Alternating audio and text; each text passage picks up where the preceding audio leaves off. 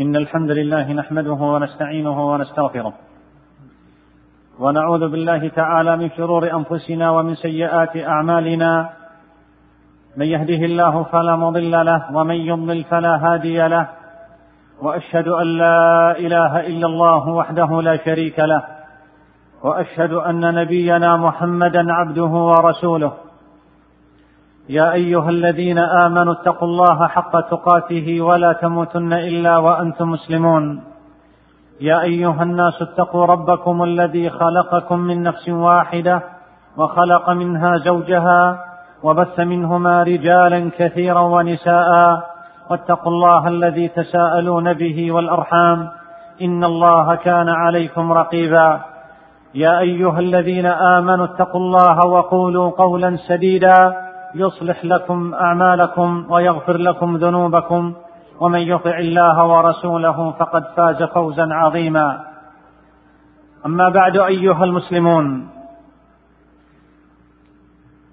في أعقاب معركة اليرموك الشهيرة وقف ملك الروم يسأل فلول جيشه المهزوم وقف يسألهم والمرارة تعتصر قلبه والغيظ يملأ صدره والحمق يكاد يذهب عقله.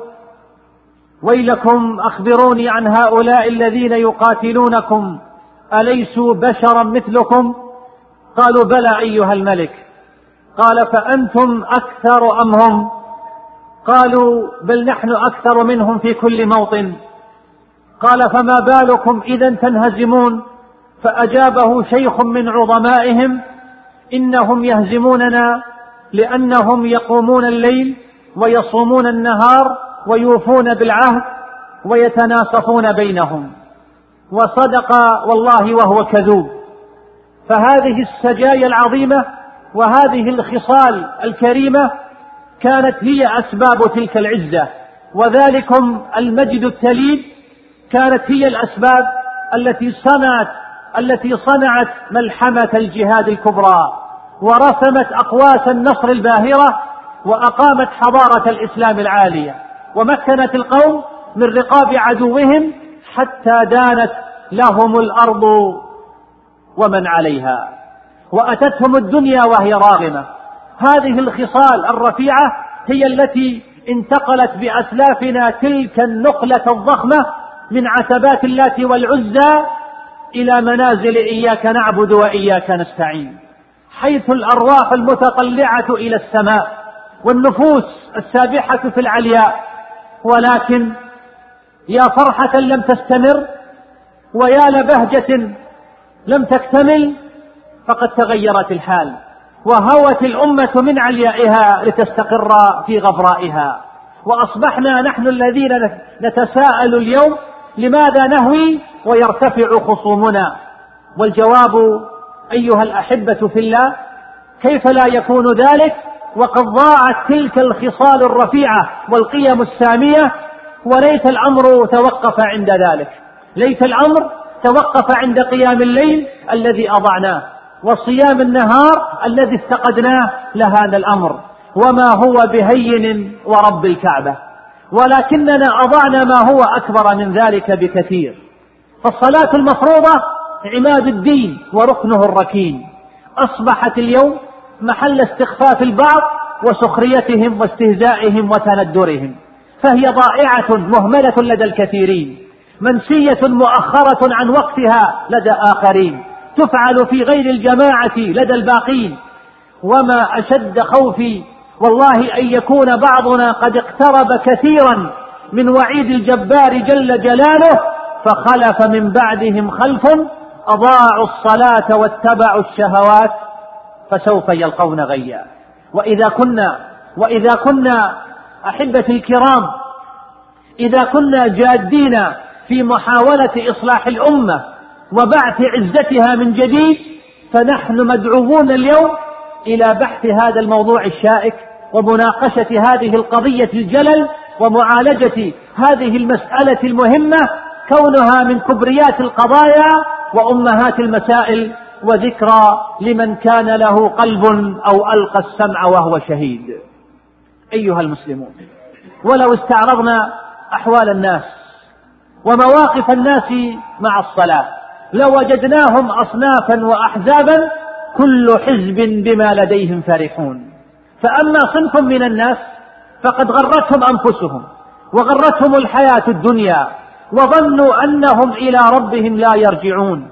هؤلاء لا يعرفون للصلاة قيمة ولا وزنا فلا يصلونها بالمرة أو يصلونها أحيانا أو عند المناسبات فقط أو أيام الجمع فهم بحاجة والله جد ماسة إلى تصحيح أصل الإيمان في قلوبهم. هم بحاجة إلى دعوتهم إلى الإسلام ومحاولة إقناعهم به كغيرهم من الكفار الخارجين عن دائرة الإسلام وإطاره المحدود. ومهما كان الحكم قاسيا فهو حقيقة لا تقبل الجدال أو المناقشة. فالذي حكم بكفرهم هو الله ورسوله. فأما الله جل جلاله فيقول فإن تابوا وأقاموا الصلاة وآتوا الزكاة فإخوانكم في الدين. ومفهوم الآية واضح. ويعني باختصار شديد إن لم يقيموا الصلاة فليسوا إخوة لنا في الدين أي إنهم مرتدون خارجون عن الإسلام وأهله. أفهمتم؟ يا من تتركون الصلاة وتحسبونه هينا وهو عند الله عظيم وفي القرآن الكريم.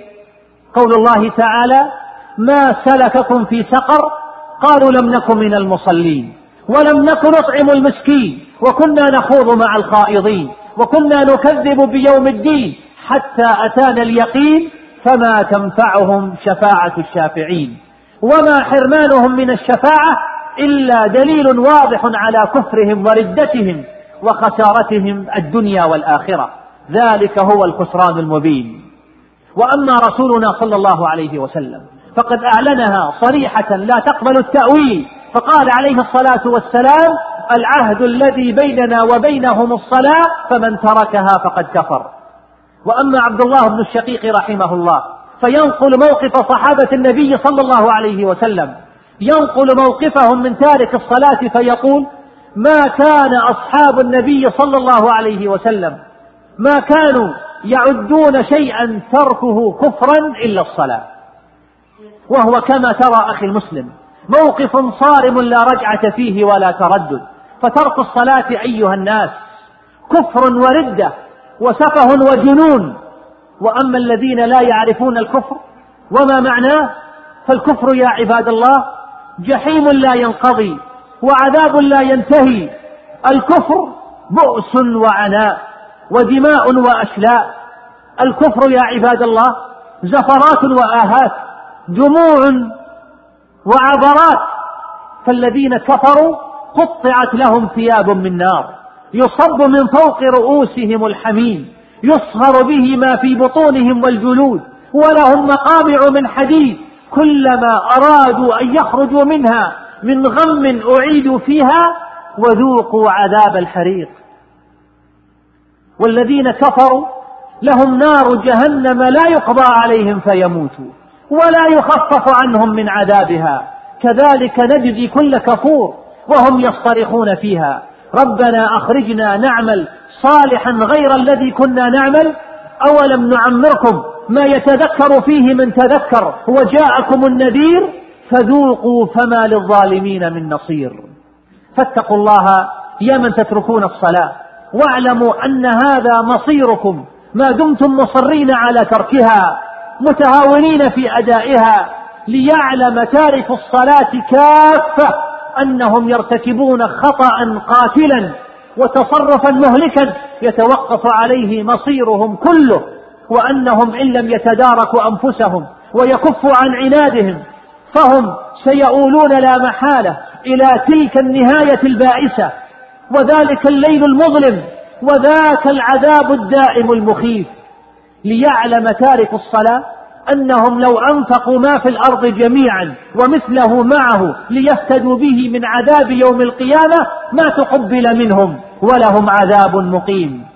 إننا إننا ندعو هؤلاء بكل شفقة وإخلاص. ندعوهم والألم والألم يعتصر قلوبنا خوفا عليهم ورأفة بهم. ندعوهم إلى إعادة النظر في واقعهم ومجريات حياتهم. ندعوهم إلى مراجعة أنفسهم وتأمل أوضاعهم قبل فوات الأوان.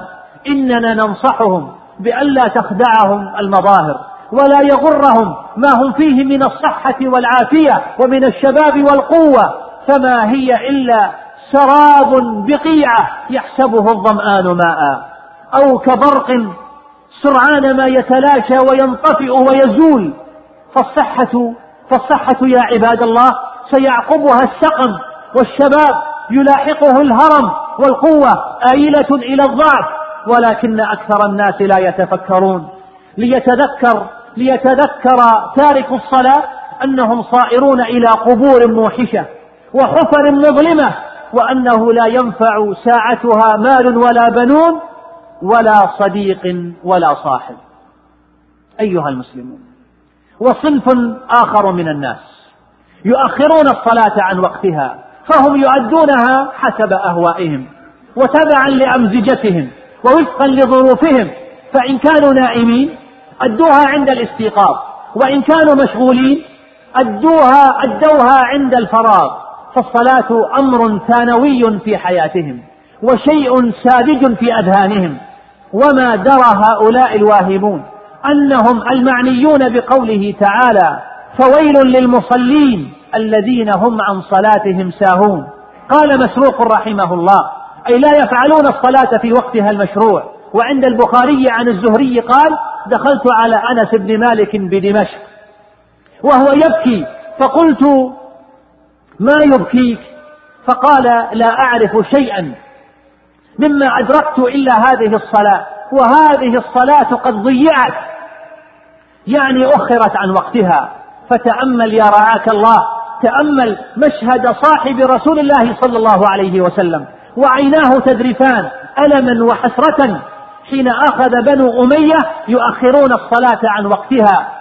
مما مما أبكى قلوب الغيورين على الصلاة وأسخن دموعهم ومع ذلك كله فقد حرص الأسلاف على أدائها في وقتها المشروع.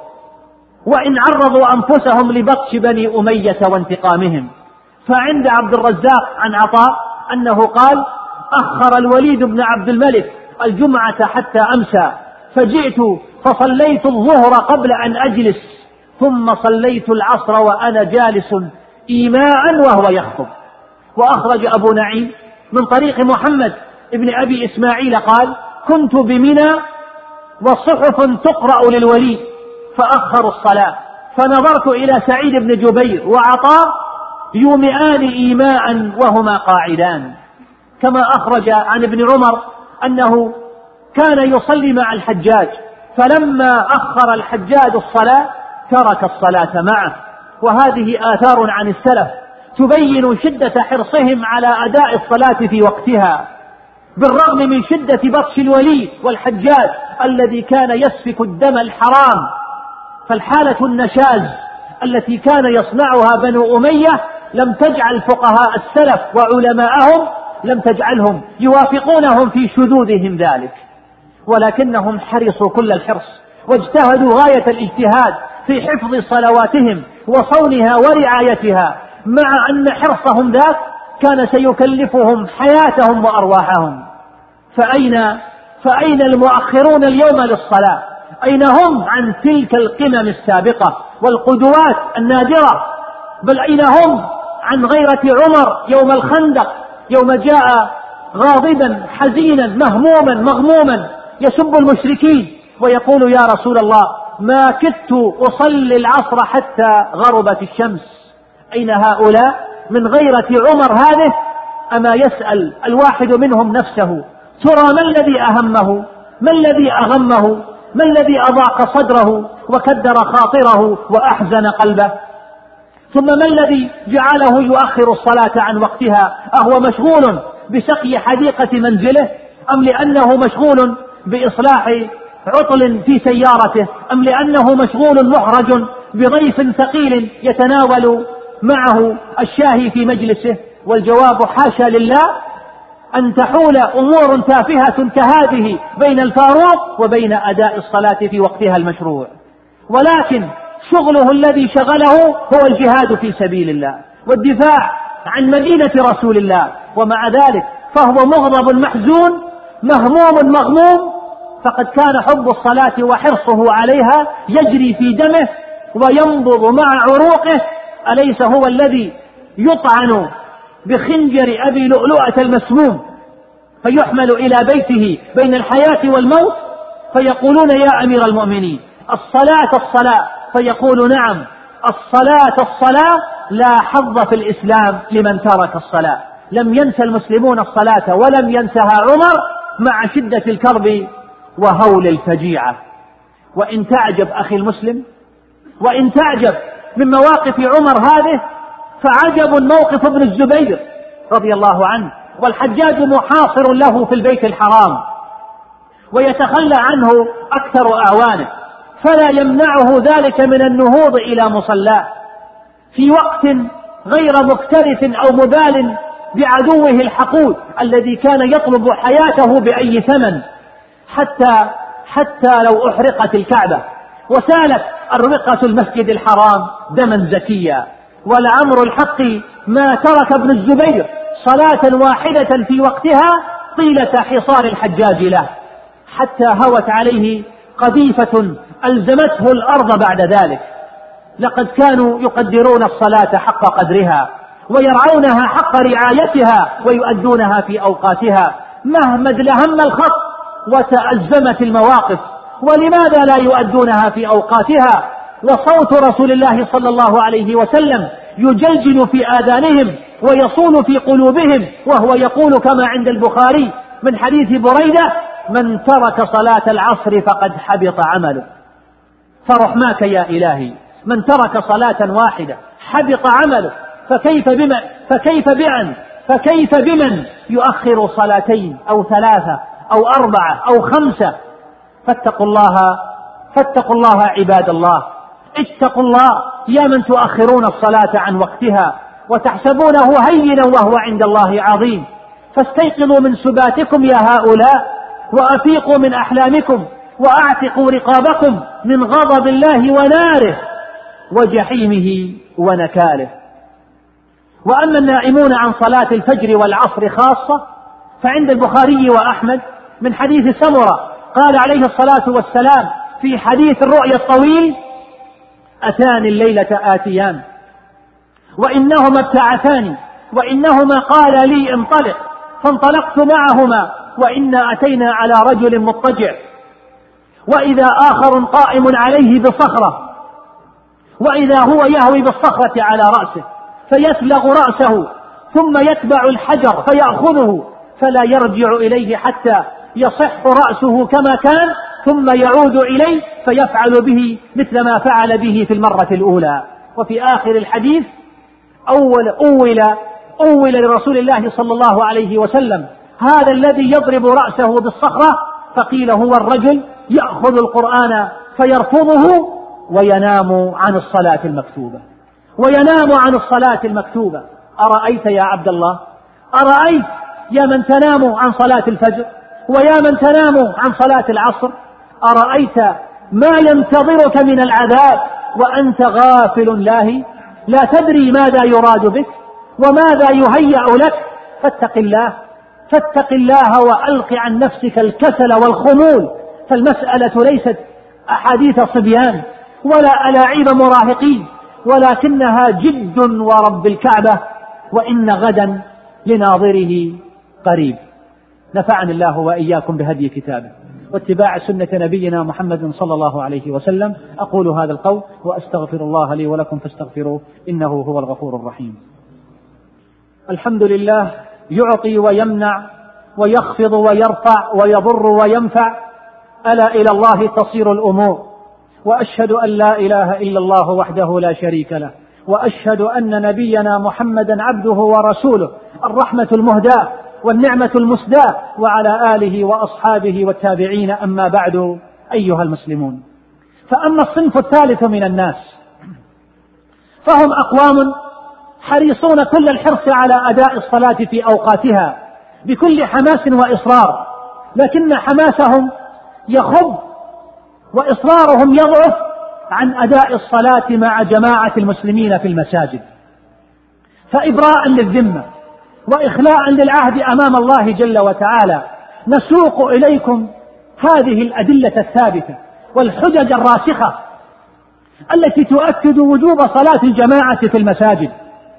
وأن من يظن غير هذا فهو يعيش وهما كبيرا ويرتكب خطأ فادحا وفي مقدمة تلك الأدلة وأبلغها أثرا ما أوجبه الله جل وتعالى على المجاهدين.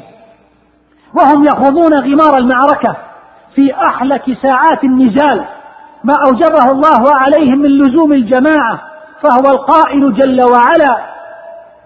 وإذا كنت فيهم فأقمت لهم الصلاة فلتقم طائفة منهم معك وليأخذوا أسلحتهم. فإذا سجدوا فليكونوا من ورائكم. ولتأت طائفة أخرى لم يصلوا فليصلوا معك وليأخذوا حذرهم وأسلحتهم. أرأيت أيها المبارك؟ أرأيت كيف فرض الله جل وتعالى الجماعة في أحلك الظروف وأحرج المواقف؟ طائفة تصلي وأخرى تحرس. ثم تتغير المواقع فالتي كانت في الصلاة تنتقل إلى الحراسة والتي كانت في الحراسة تنتظم في الصلاة جماعة. كل ذلك والعدو متربص متحفز قد أقبل بخيله ورجله وقضه وقضيضه تأمل أيها الأخ الكريم بعين الإنصاف والتجرد كيف أوجب الله الجماعة في تلك الظروف العصيبة؟ حيث تخضبت السيوف بدمائها وتطايرت الرؤوس عن أعناقها. فكيف يكون الحال؟ كيف يكون الحال إذا للآمنين في بيوتهم؟ المطمئنين بين أهليهم وذراريهم ندع الإجابة لك أيها اللبيب ولا نحسبك إلا منصفا. تقول الحق ولو على نفسك. أما الحديث المتفق عليه فقول النبي صلى الله عليه وسلم لقد هممت أن آمر بالصلاة فتقام ثم آمر رجلا فيصلي بالناس ثم أنطلق معي برجال معهم حزم من حطب إلى قوم لا يشهدون الصلاة يعني لا يشهدون الجماعة فأحرق عليهم بيوتهم بالنار. يا سبحان الله رسول الله صلى الله عليه وسلم الذي وصفه ربه بأنه رؤوف رحيم بالمؤمنين يهم بإحراق البيوت على أهلها حين تخلفوا عن الجماعة. فأي شيء يدل عليه ذلك إلا كونها واجبة متعينة في المسجد وأن أداءها في البيوت ذنب عظيم. وجرم خطير وخطأ فادح بجميع المقاييس. كيف لا؟ وقد جاء في حديث ابن عباس رضي الله عنهما مرفوعا من سمع النداء فلم يأته فلا صلاة له إلا من عذر. رواه أبو داود وابن حبان. قالوا يا رسول الله وما العذر؟ قال خوف أو مرض. إذا فليس من العذر في ترك الجماعة يا مسلمون حب الراحة والاسترخاء أو مطالعة الصحف والمجلات. أو استقبال الضيوف أو توديعهم بل ليس من العذر في ترك الجماعة قراءة القرآن أو الطواف بالبيت الحرام. وأي عذر لهؤلاء؟ وقد جاء الأعمى إلى النبي صلى الله عليه وسلم. جاء يشكو بعد داره وبعورة طريقه وفقدانه لقائد يلائمه ويسأل رخصة أن يصلي في بيته فيقول له الرؤوف الرحيم أتسمع النداء؟ قال نعم. قال أجب. فإني لا أجد لك رخصة. أفتكون الرخصة إذا لذوي السمع الرهيف والبصر الحاد؟ أفتكون الرخصة لمن أحاطت بهم المساجد من كل جانب وذللت لهم الطرق وعبدت لهم الشوارع؟ سبحانك هذا بهتان عظيم.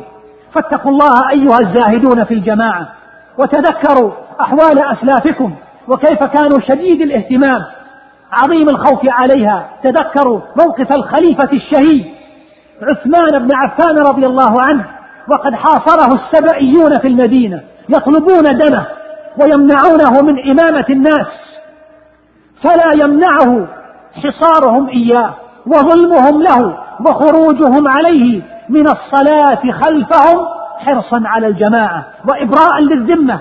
فعند البخاري من حديث عبيد الله بن عدي أنه دخل على عثمان وهو محصور فقال له يا إمام إنك إمام عامة ونزل بك ما نرى ويصلي لنا إمام فتنة ونتحرج.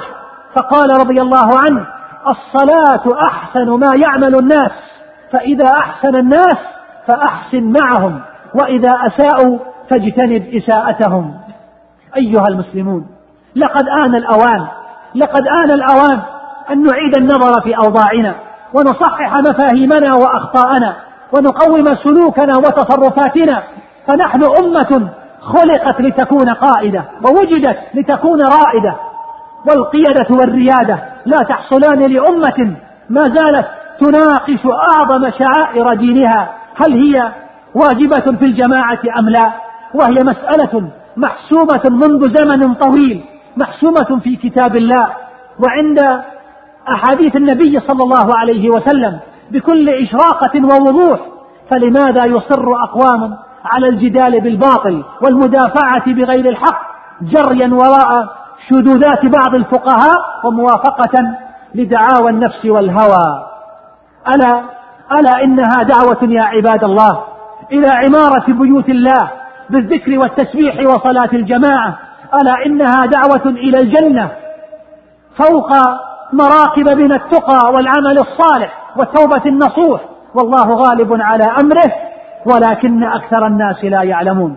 اللهم إنا نسألك إيمانا يباشر قلوبنا ويقينا صادقا وتوبة قبل الموت. اللهم إنا نسألك إيمانا يباشر قلوبنا ويقينا صادقا وتوبة قبل الموت وراحة بعد الموت. ونسألك ونسألك لذة النظر إلى وجهك الكريم. والشوق إلى لقائك في غير ضراء مضرة ولا فتنة مضلة. اللهم زينا بزينة الإيمان واجعلنا هداة مهتدين. لا ضالين ولا مضلين. بالمعروف آمرين. وعن المنكر ناهين يا رب العالمين.